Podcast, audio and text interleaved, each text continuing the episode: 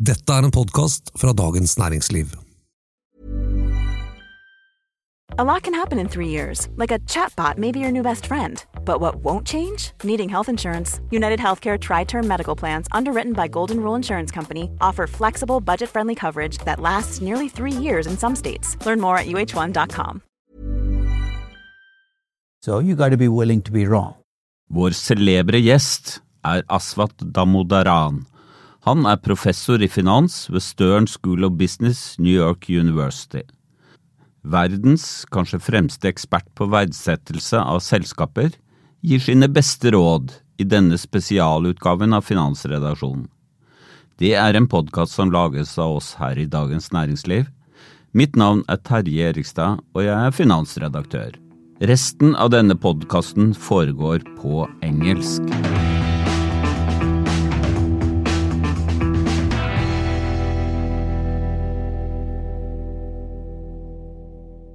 Welcome, Mr. Damodaran. Thank you for um, having me. Yeah. So, could you present yourself for Norwegian audience? Uh, I'm Aswath Damodaran. I teach corporate finance and valuation at New York University. I've been doing it for almost 40 years now. And I describe myself first and foremost as a teacher. I tend to dabble in lots of different topics. I'm interested in lots of different issues. And I consider myself not an expert on any of those issues, but I'm just interested. So, uh, when you value a company, what, what is the main uh, issues you are dealing with? Uh, how, in, in kind of from the, the most important to the least important? The first thing is before you value a company, you need to understand what it does. What does it make? Who buys it? What makes it good? What makes it bad? Who are the competitors? In other words, understanding the landscape of business is critical to valuing a company. Now, if you don't know what your company actually does, it's almost impossible to value the company, even if you have all of the tools and the techniques for valuing companies. That's why I said to value companies, you need to understand business from the inside out. So if you're valuing a semiconductor company, you don't need to know how semiconductor chips are made, but you need to know how they're used. What makes some chips better than others? Why are NVIDIA chips better suited for AI than Intel chips? So that requires at least an understanding of the core products or services which is one reason it's often easier to value, you know, business, uh, you know, business to consumer companies, B2C companies than B2B companies, because B2C companies, we tend to be the consumers. We've all used Uber. So to value Uber, you don't need to say, what does Uber do? How does it work? To value NVIDIA is more difficult because you and I don't buy computer chips. We buy stuff with chips in them. It makes it a little more difficult, but you at least can get a core understanding of the business before you value the business. Hmm. So, uh, really understanding the company is key. But then uh, you have to make some projections. And what is the key driver for value uh, for a company? Well, valuation is all, always about the future. No matter how rich your past data is, it's what the future delivers that drives the value of your company. Which means you can have companies with great past, but not very good futures, or companies with very little in the past, but with an incredibly solid, so ARM, which is the other AI company that went public, uh, you know, a couple of weeks ago. It's a company that's not been around for more than a few years. It's not got much in its past, but it's got a whole lot of expectations for the future that are driving its value. To make those estimates, though, you got to be willing to be wrong. Why? Because you're making your best estimates, but things can change on you. I give the example of somebody trying to value a hotel in 2019. So let's say it's a hotel with a long history. You sit there, it's Hilton. You're valuing Hilton, you've got 20 years of history, you project numbers out, you think you've done a pretty good job. But six months later, COVID hits, every hotel in the world gets shut down, your projections are all turned to dust. You can't beat yourself up about it. It wasn't your fault that in 2009 you didn't project to COVID in 2020. But that's the kind of uncertainty that's going to mean that the actual numbers are different from the expected numbers. And that's why we demand a risk premium for investing in things where we face more uncertainty.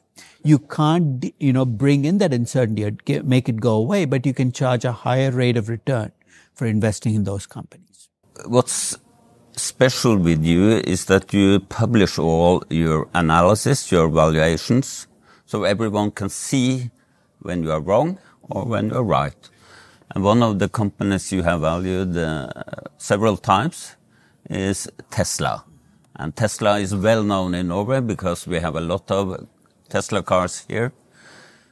Would you say that uh, what, what's your experience of valuing Tesla? were you wrong every time, or?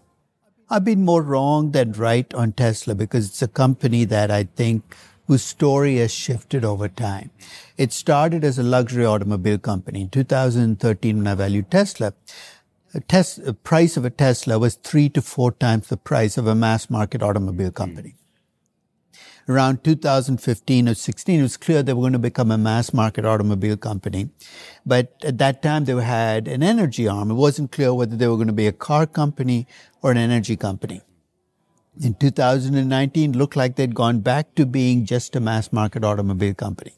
Today, there's a very real possibility that it's not a car company, but a robo taxi company where the car company is at the front for a very different business model. It's what makes the company fascinating. Now, I bought Tesla a couple of times during its lifetime because I felt it it's undervalued. And I've sold Tesla a couple of times because I thought it was overvalued. Now, am I going to beat myself about, about the fact that I've been wrong? No, it's the nature of investing is sometimes you're going to be wrong. And especially on the companies that are exceptional. And Tesla has been an exceptional company. You should expect to be more wrong than right because that's the nature of exceptional companies. They're beating your expectations at each step of the game. I find the company to be fascinating. The most recent valuation of the company I did was a, almost a year old, so it's time for me to revisit it, especially now that the robo taxi dream at least has a potential of becoming something real. But I think it's a company that keeps shifting on you. It's an amorphous company where your story keeps changing. As your story changes, your value changes as well. It's that time of the year. Your vacation is coming up. You can already hear the beach waves, feel the warm breeze, relax, and think about work. You really, really want it all to work out while you're away. Monday.com gives you and the team that peace of mind. When all work is on one platform and everyone's in sync, things just flow wherever you are. Tap the banner to go to Monday.com. Hey, it's Ryan Reynolds, and I'm here with Keith, co star of my upcoming film, If, only in theaters, May 17th. Do you want to tell people the big news? All right, I'll do it. Sign up now and you'll get unlimited for $15 a month in six months of Paramount Plus Essential Plan on us. Mintmobile.com slash switch. Upfront payment of $45 equivalent to $15 per month. Unlimited over 40 gigabytes per month. Face lower speeds. Videos at 480p. Active Mint customers by 531.24 get six months of Paramount Plus Essential Plan. Auto renews after six months. Offer ends May 31st, 2024. Separate Paramount Plus registration required. Terms and conditions apply if rated PG. Many of us have those stubborn pounds that seem impossible to lose, no matter how good we eat or how hard we work out. My solution is PlushCare.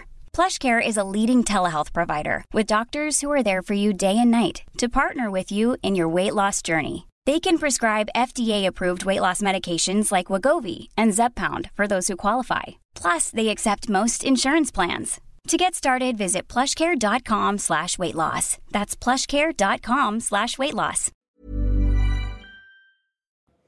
Uh, you did mention uh, the chip producer NVIDIA. Yeah. Uh, you have valued it and you have invested in it.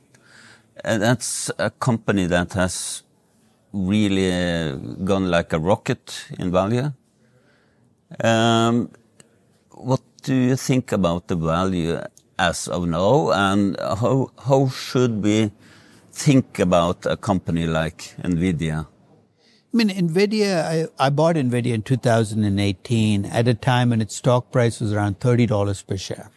And I didn't buy it because I saw AI on the horizon. I even, I couldn't even have told you what AI was in 2018. And I tell people sometimes, you know, your best investments happen because you got lucky. I mean, the, the reason NVIDIA's stock price has soared is it's the company best positioned to actually take advantage of AI in a tangible way. It makes, I mean, the way I describe it, creates the plumbing for AI. I mean, you might have all this neat stuff you do with ChatGPT, but AI is all about taking huge amounts of data and immense com- computer processing power to create things that are practical for other businesses. And NVIDIA is there producing the chips that, so it's actually one of the few companies where AI is just not a buzzword. It's actually something that's driving revenues of the company. In 2023, the AI market right now, the chip market is about 25 billion hmm. and NVIDIA controls about 60 to 80% of the market. It's, it's somewhere around there. So it dominates the market, but it's a small market right now. What's driving NVIDIA's stock price up is that $25 billion AI market could be as large as 350 billion 10 years from now. And if NVIDIA keeps its dominance, it's going to be a huge increase in revenues for the company. That's what's being built in. So it's caused the stock price to soar. So this summer, when I valued NVIDIA, I said, okay, there's an AI story here, which I didn't see in 2018 when I bought the company. Mm-hmm. I see the price going up because of the story, but this, does the story justify how much the price has gone up? So what I did was I took the projected AI market, the most optimistic estimate I could find. I gave NVIDIA a dominant share. I think 60% market share of that market, even though everybody's trying. And I revalued the company with that number built in, with the AI promise built in. I came up with about $240 per share. And I said at 400, you're overstretching. Market might have a story, but it's run too far with that story. So I said, look, now I bought NVIDIA at 30. It's now at 400. So it's a win for me, but I face a choice. Should I sell the stock because it's overvalued? Uh, should I hold on to it because it's done so well and the story might have more room to run? I split the difference. I sold half my holding because I think being greedy is one of the worst sins you can commit as an investor. But I kept the other half because I think there is a real chance that NVIDIA could find a different market. Because in the last decade, there are three big markets that NVIDIA has been in first that have become big markets. The first was the gaming market. NVIDIA made the chips that drove the, then it was a crypto market. Now it's the AI market. The first time you can say they were lucky. The second time they were really lucky. The third time you can argue that maybe there's a pattern here. I called it NVIDIA my opportunistic chip company, that it seems to find a way to get ahead of others in new markets just as they implode. So is it possible that NVIDIA is worth $400 per share? Yes, but for that to be justified, there's got to be another market at about as big as AI out there that NVIDIA gets in first on. And I think it's plausible. But to invest today at $400, to go out and buy the shares, you're asking for too much.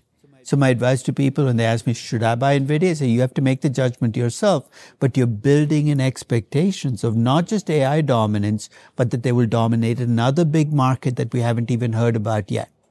That might be asking for too much as an investor. You got to make your own judgment. Uh, you differentiate between investing and trading.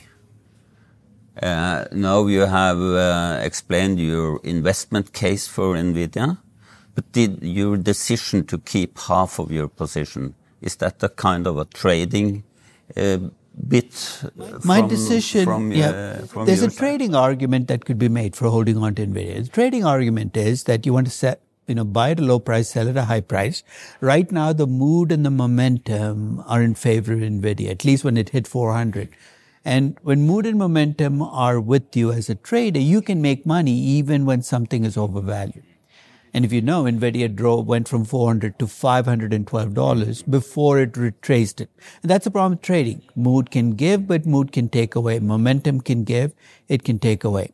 My desire to hold on to NVIDIA had less to do with trading and more to do with the valuation plausibility. That this company with a history of finding new markets and getting ahead could find another market. So I was willing to hold half my position. Kind of an option on. Exactly, an optionality argument mm, mm. for this is a company that seems to have a history of finding options mm. and making them work in their favor. And since I've already covered my cost five times over with the half that I sold, I'm willing to make a bet with the other half. And I was open about the fact that there's an internal contradiction here. As an investor, I tell people not to buy stock at 400 but at the same time, because I have something that's gone from 30 to 400 my portfolio, I'm willing to set aside that advice. And I'm open about the fact that that is contradictory. And I do it to avoid what I think is what drives investors crazy, which is regret. Because if I sold all of my holding at 400 and the stock went to 600, for better or worse, I'm going to regret and say, I wish I'd held on. This way, I can either way say, look, I made my money. If the stock goes to 200 on the half that I sold, or if it goes to 600, I made more money on the, so either way, it looks like I come out feeling more comfortable with my decision.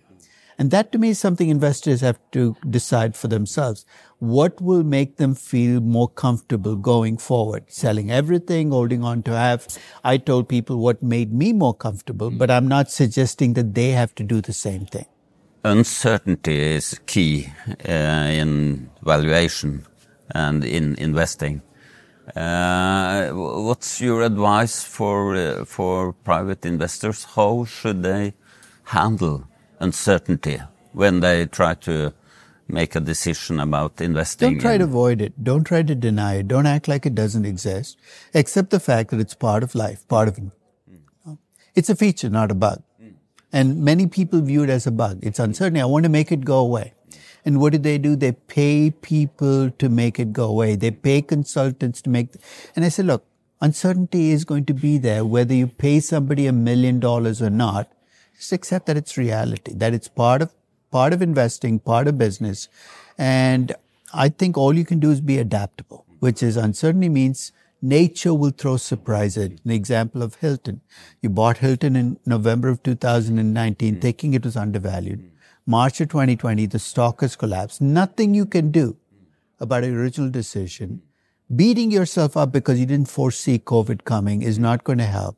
Accept the fact that you're facing maximum uncertainty. Say, hmm. look, what's the best I can do now?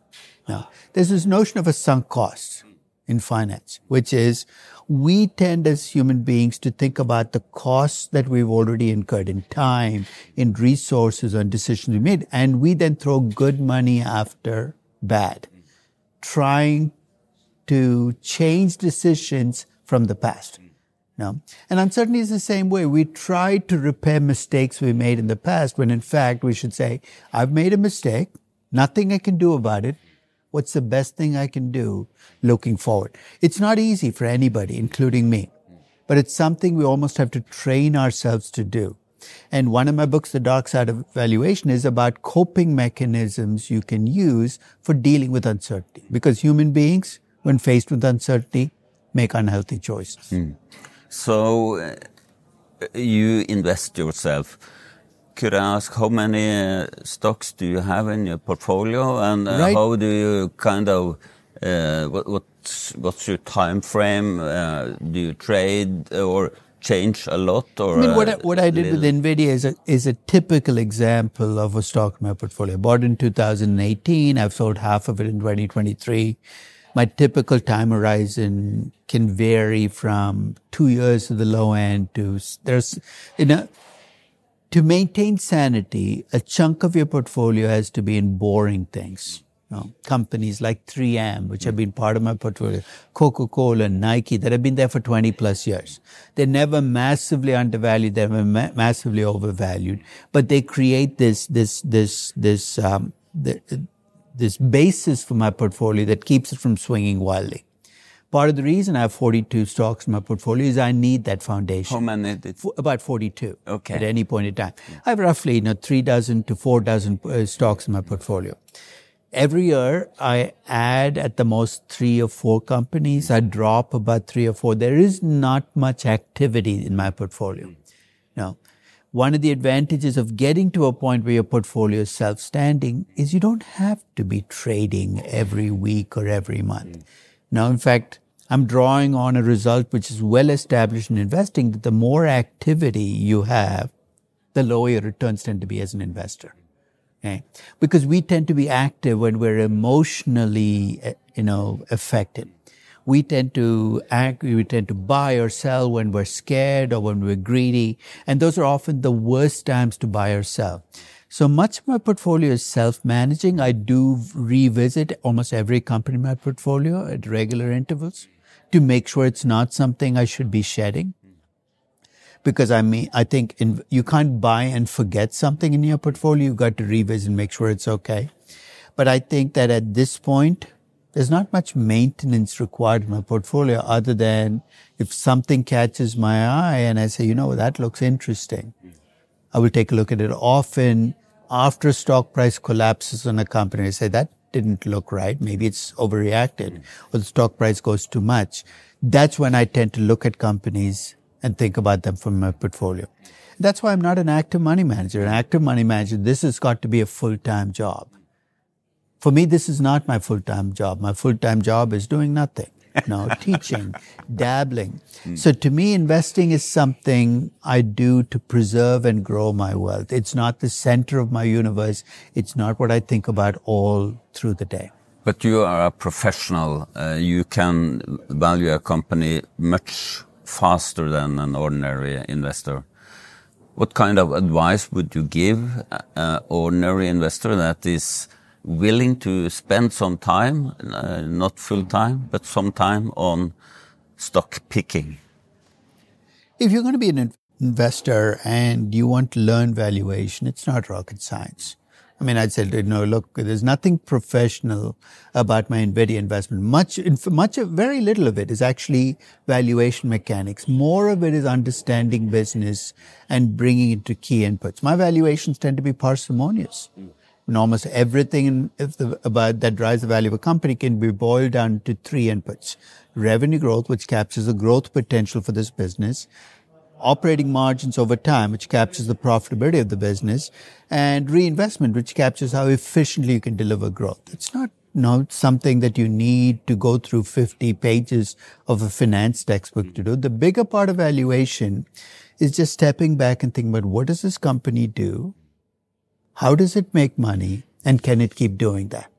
That doesn't require valuation mechanics. Anybody can value companies. That's always been my contention when I teach my classes is, is by the end of the class, you will know as much about valuation mechanics as I do. There's nothing there. But if you want to get better at valuation, the way you get better at valuation is by actually valuing companies. If you avoid valuing your first company by saying, I don't know enough about valuing companies, you will never learn valuation. If you keep reading more books on valuation, getting ready to value first company, you will never learn about valuation. Just get your hands dirty. You don't have to invest in the first company value. You might not feel comfortable enough with it. But if you keep valuing companies each time you value a company, you will get both quicker in valuing companies and more comfortable with what you're doing. And at some point, you'll say, look, I'm ready to pull the trigger. I'm feeling comfortable enough in this valuation process to do it. But this isn't rocket science. Anybody should be able to do what I do. But a lot of people pay for valuation. Uh, you have some. Uh... I, I think they pay because they don't want to take responsibility for their decisions. That's, I think, the reality. They pay McKinsey. They pay McKinsey. They pay Goldman Sachs. Mm. I mean, let's face it, in acquisitions, I think acquiring companies should be valuing target companies on their own. Why? Because it's their shareholders' money. Mm. Why would Goldman Sachs be in a better position to value a target company in a business you understand better than Goldman Sachs? But you know why you like to have Goldman Sachs do it? Because this way, if something goes wrong, you can say Goldman Sachs told me to do it it's uh, I think it's not taking on the responsibility for your decisions. That I mean, we as investors, we as companies investing other people's money, need to take ownership of our decisions. The only way to do that is by ultimately deciding on our own, not letting other people on CNBC or on Goldman Sachs tell us what to do. Hmm. Um, valuing one and one company gives you an kind of idea of how the stock price should be. But uh, when you aggregate it, could you would you say that the market is kind of uh, a good proxy for the real valuation of companies, or are markets driven by something different, like uh, hype or uh, optimism, the, pessimism? The, the, two can both be right at the same time. Markets are driven by hype and mood and momentum, and there are pricing mechanisms. At the same time, for the average person, just playing along with markets might be your most effective investment strategy. I mean, there's a reason index funds beat 80% of active money managers in every single market in the world, in every single asset class an index fund, you have zero transactions cost. You're basically tracking the market, but you're not paying somebody hundreds of thousands of dollars or millions of dollars to try to pick stocks. It's hmm. not that markets don't make mistakes. They make horrendous mistakes, huge mistakes. It's a question whether you can find those mistakes efficiently enough to make money. And the answer with most investors, including most professional investors, is no.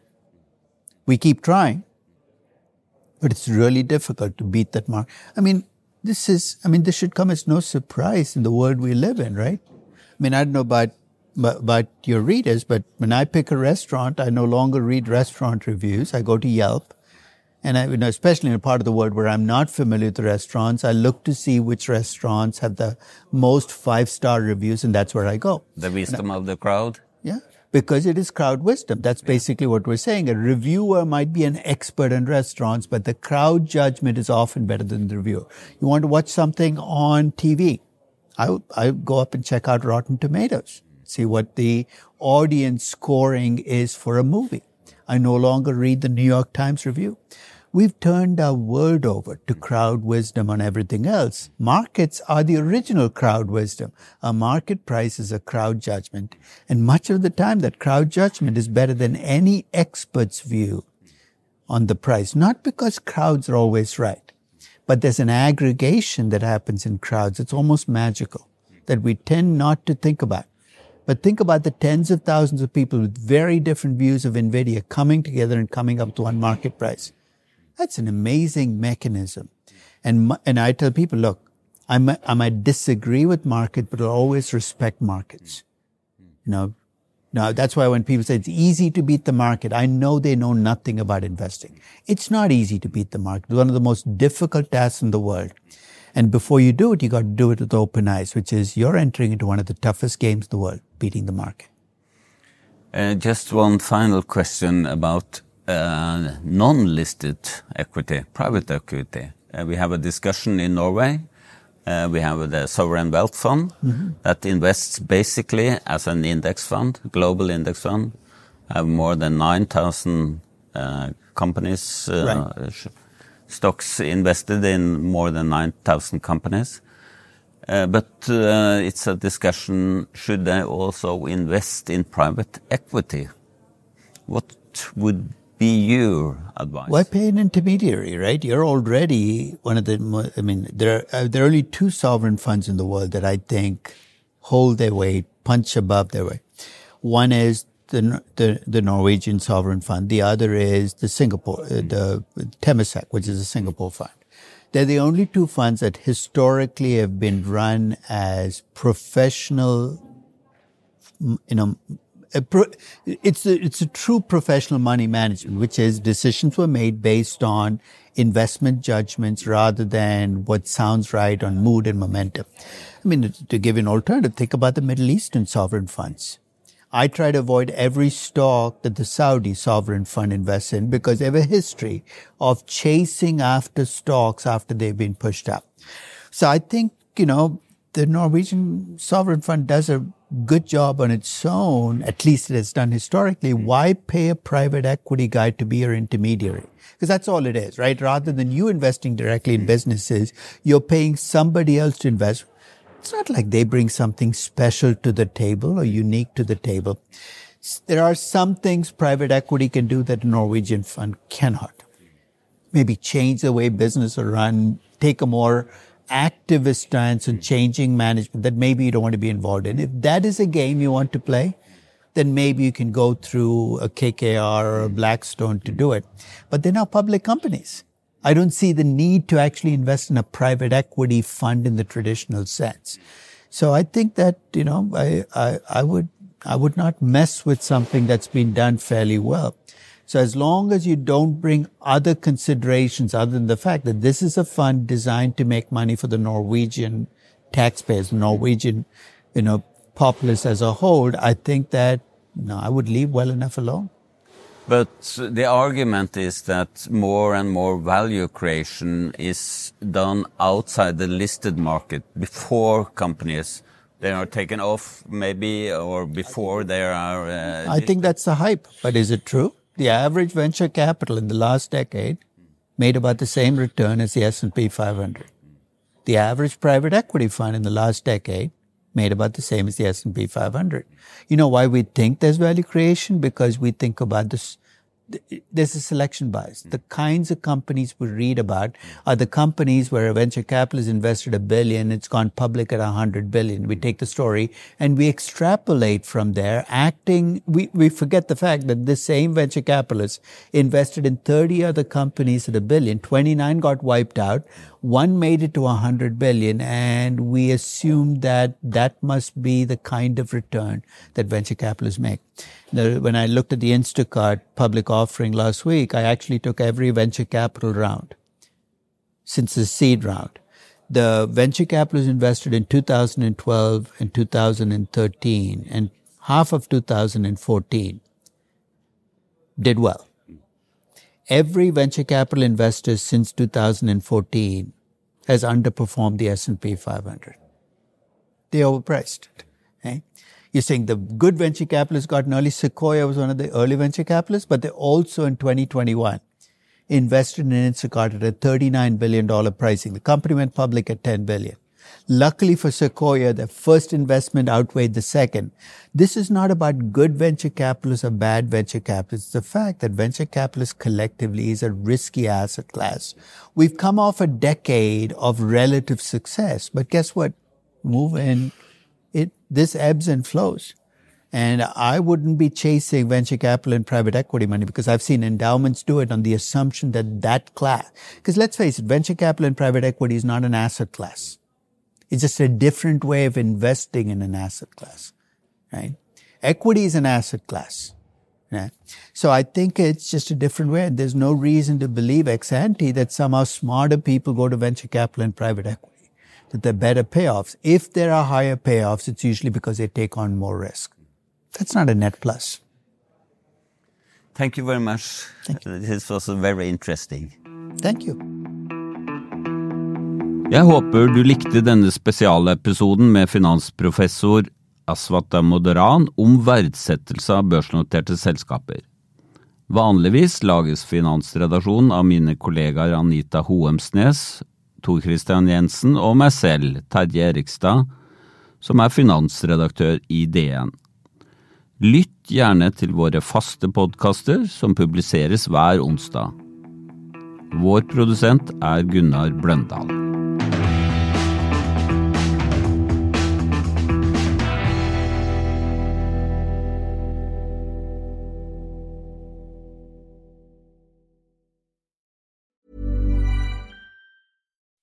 When you make decisions for your company, you look for the no-brainers. If you have a lot of mailing to do, stamps.com is the ultimate no-brainer. Use the stamps.com mobile app to mail everything you need to keep your business running with up to 89% off USPS and UPS. Make the same no-brainer decision as over 1 million other businesses with stamps.com. Use code PROGRAM for a special offer. That's stamps.com, code PROGRAM.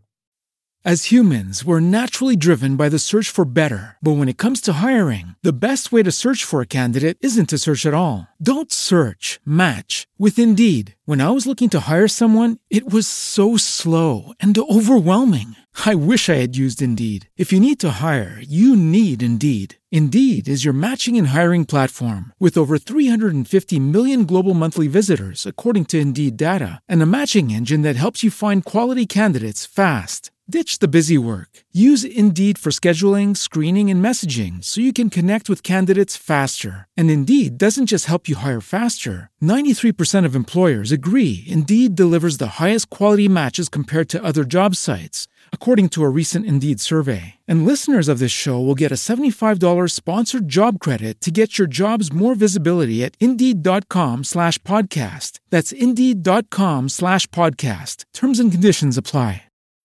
When you need mealtime inspiration, it's worth shopping Kroger, where you'll find over 30,000 mouthwatering choices that excite your inner foodie. And no matter what tasty choice you make, you'll enjoy our everyday low prices, plus extra ways to save, like digital coupons worth over $600 each week. You can also save up to $1 off per gallon at the pump with fuel points. More savings and more inspiring flavors make shopping Kroger worth it every time. Kroger, fresh for everyone. Fuel restrictions apply. Du har nå hørt en podkast fra Dagens Næringsliv.